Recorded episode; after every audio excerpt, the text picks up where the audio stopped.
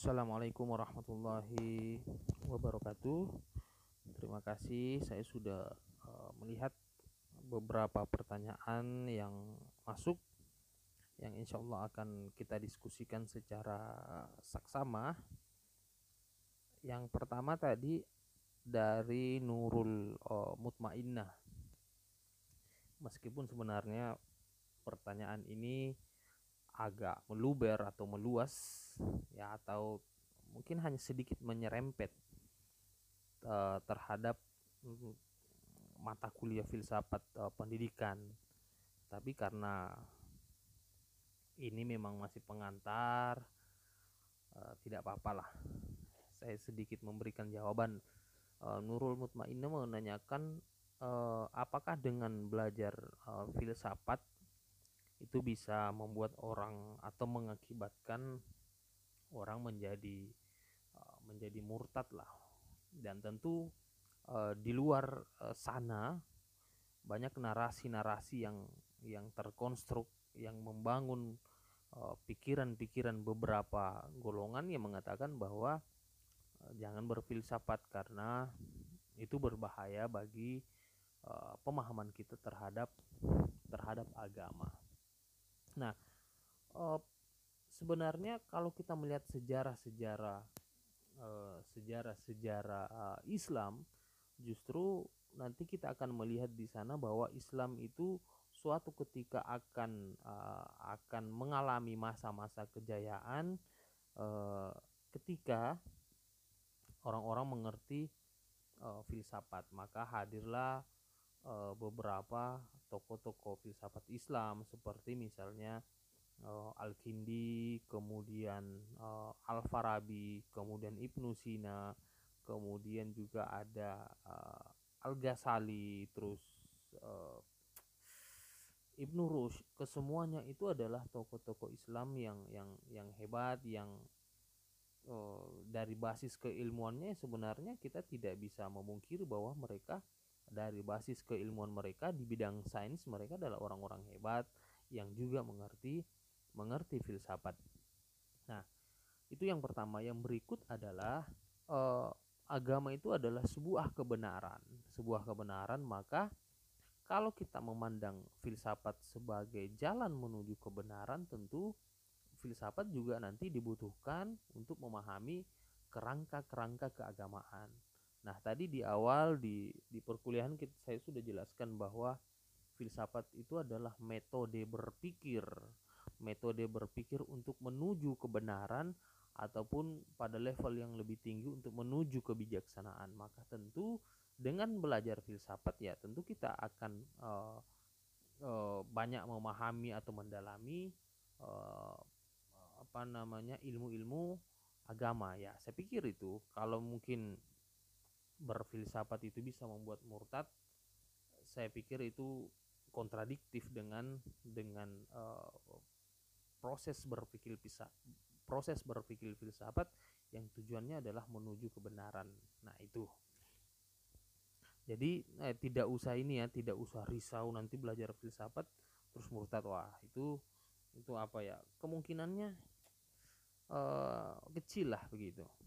Nah, yang kedua, ada pertanyaan bahwa apakah dengan belajar filsafat kita bisa menemukan prinsip hidup yang baik. Ya tentu dengan belajar filsafat kita bisa menemukan prinsip hidup eh, yang yang lebih baik. Tadi dijelaskan bahwa singkat sebenarnya ini lebih mudah lagi bahwa dengan berfilsafat kita bisa menemukan uh, apa itu kebenaran, yang mana yang baik. Jadi sesuatu yang baik atau yang buruk itu kajian-kajian uh, filsafat. Sesuatu yang yang benar dan sesuatu yang salah Nah, itu adalah kajian-kajian filsafat. Bahkan kalau misalnya kita melihat beberapa uh, ideologi-ideologi dunia, anggaplah misalnya uh, ideologi uh, Pancasila yang kemudian melahirkan uh, demokrasi yang tentu yang kita anggap bahwa itu adalah sesuatu yang baik. Pancasila adalah sesuatu yang baik, Pancasila adalah sesuatu yang benar.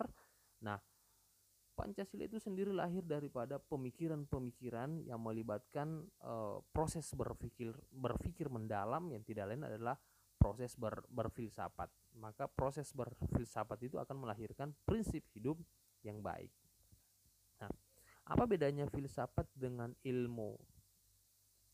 Ada bedanya dan juga ada perbedaannya. Di awal tadi saya sudah katakan bahwa filsafat itu bisa dipandang dari dua aspek. Filsafat itu bisa dipandang sebagai ilmu atau produk daripada ilmu yang kemudian menjadi ilmu dan filsafat itu juga uh, bisa dipandang sebagai uh, alat untuk berpikir.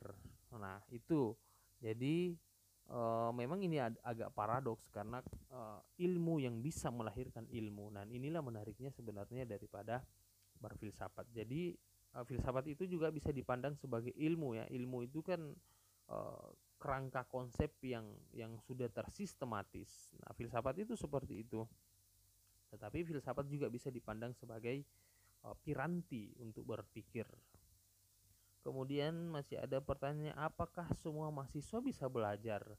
Ya, ini kalau misalnya kita jawab di dalam perspektif filsafat, ya semua manusia nah, tentu uh, tentu bisa belajar karena hakikat daripada manusia itu adalah makhluk yang bisa berpikir dan proses berpikir atau proses belajar itu nanti akan kita melibatkan proses berpikir di dalamnya.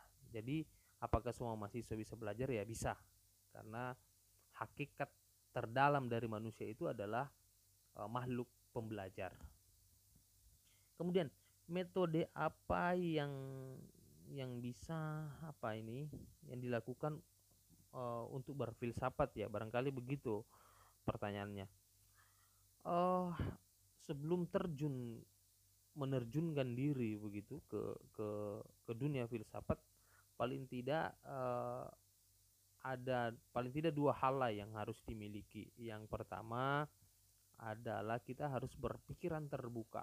Jangan jangan tertutup jangan misalnya kita mau apa ya contohnya misalnya kita menguasai suatu konsep kemudian konsep kemudian ada konsep baru ya kita menolak konsep baru itu. Padahal harusnya kalau ingin berpikiran filsafat pikiran harus harus terbuka harus menerima semua konsep supaya ke depan konsep-konsep itu bisa di di di apa namanya uh, dikomparasikan yang mana yang baik, yang mana yang buruk. Jadi seperti itu. Itu yang pertama, harus berpikiran terbuka. Berikut kalau ingin terjun ke dunia filsafat harus punya uh, curiosity. Curiosity itu bahasa Indonesianya selalu penasaran. Jadi selalu penasaran, selalu bertanya. Misalnya uh, apa ya? Manusia itu apa sih? Misalnya kenapa ada manusia? Jadi selalu bertanya. Misalnya apalagi ya? Mengapa hujan? Mengapa mesti hujan? Nanti ketemu tuh makna daripada hujan makna realitas terdalam daripada hujan. Jadi e, harus berpikiran terbuka harus punya e, curiosity. Kemudian pertanyaan selanjutnya ada narasi yang mengatakan jangan pelajari filsafat karena terlalu luas nanti bikin malas. Ya begitu ya ini sebenarnya kontradiktif juga. Kok semakin belajar nanti semakin malas terus jadi bodoh. Ini kan tidak. Kalau belajar berfilsafat itu membuat kita menjadi menjadi uh, menambah uh, khasanah pengetahuan kita ya tentu ya justru uh, justru apa namanya justru itu akan memperluas dan ya, menjauhkan kita dari titik kebodohan. Nah sebenarnya ada orang bijak juga. Kalau misalnya ada ada ada filsuf yang pernah berkata bahwa semakin ia banyak belajar ia semakin bodoh. Karena memang semakin banyak belajar nanti ujung-ujungnya nanti kita paham bahwa ternyata ilmu itu itu sangat luas. Jadi semakin banyak itu ada perasaan itu kata-kata kata-kata filsuf bahwa semakin banyak belajar itu akan semakin uh, semakin menuju atau semakin merasa bodoh nanti karena orang yang makin banyak ilmunya itu akan semakin merasa kecil jadinya. Bahkan mereka merasa tidak tahu apa-apa. Nah itu adalah orang bijak itu. Selanjutnya pertanyaan terakhir juga ada tiga ini. Uh, apa hakikat pendidikan menurut uh, filsafat? Oh ini belum ya jadi nanti di pertemuan selanjutnya nanti kita akan uh, membahas terkait dengan aliran-aliran filsafat yang kemudian juga melahirkan uh, beberapa aliran-aliran uh, pendidikan. Nanti banyak aliran-aliran pendidikan misalnya rasionalisme, kemudian uh, aliran fundamentalisme yang juga nanti dari aliran-aliran pendidikan itu nanti melahirkan teori-teori belajar. Contohnya misalnya contohnya misalnya kita punya uh, aliran uh, apa ya uh, misalnya ada aliran konservatisme. Konservatif itu uh, ia memandang bahwa anak-anak itu condong atau oh, manusia itu condong uh, ke arah kejahatan. Oleh karena itu manusia harus diberikan diberikan pendidikan. Jadi itu prinsip dasar daripada aliran uh, fundamentalism. Dia menganggap bahwa oh nanti ada manusia itu lahirnya itu selalu mengarah pada keburukan selalu mengarah pada uh, kejahatan. Maka, maka ya harus diberikan pendidikan. Tujuan pendidikan uh, menurut konservatisme adalah untuk membangkitkan dan menengguhkan kembali cara-cara uh, lama yang yang lebih baik. Jadi harus diberikan pendidik apa namanya pendidikan itu harus diberikan agar anak menjadi menjadi baik. Nah, nanti kan ada aliran uh, pendidikan yang lain nanti yang mengatakan bahwa uh, anak itu lahir semacam tabula rasa. Tabula rasa itu teori yang mengatakan bahwa uh, anak itu lahir ibarat kertas putih. Jadi nanti lingkungannya yang akan uh, yang akan mengubah ia apakah ia akan menjadi hitam atau apakah ia menjadi semakin putih. Jadi aliran-aliran itu nanti yang akan melahirkan teori-teori belajar nanti.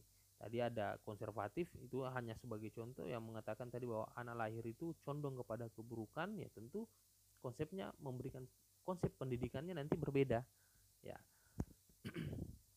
Kemudian pertanyaan selanjutnya itu belum ya saya hanya memberikan gambaran yang pekan depan nanti akan kita kita bahas lebih lebih lanjut.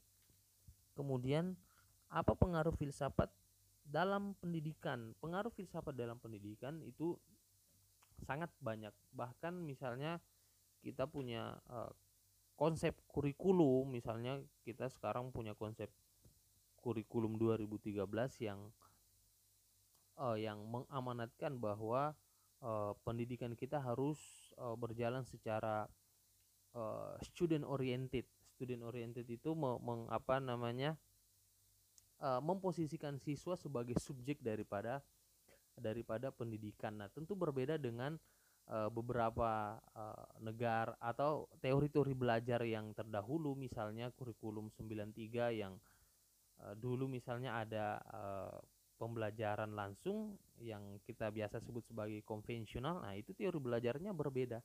Jadi teori-teori belajar yang saat ini kita kenal itu lahirnya daripada aliran-aliran filsafat nanti banyak teori belajar misalnya konstruktivisme. Dia mengatakan bahwa uh, siswa itu sebenarnya bisa belajar sendiri. Meskipun tidak di, diberikan pendidikan maka siswa itu bisa belajar sendiri. Nah itu uh, untuk teori belajar konstruktivisme. Terus ada juga misalnya aliran filsafat yang melahirkan uh, teori belajar perkembangan. Nanti apa namanya teori perkembangan itu yang mengatakan bahwa oh anak itu cukup diberi uh, harus diberi bantuan berupa stimulus kemudian nanti menghasilkan respon. Maka terjadilah proses belajar. Jadi uh, filsafat itu uh, memiliki peran atau pengaruh yang yang yang sangat luas bahkan komprehensif holistik terhadap uh, pendidikan. Baik itu teori pendidikan bagaimana pendidikan harus diberikan itu adalah kajian-kajian kajian-kajian filsafat kurikulumnya seperti apa itu adalah kajian-kajian filsafat. Nah saya kira cukup. Kalau memang masih ada hal yang harus ditanyakan silahkan di uh, di share pertanyaannya di di uh, di grup kita. Assalamualaikum warahmatullahi wabarakatuh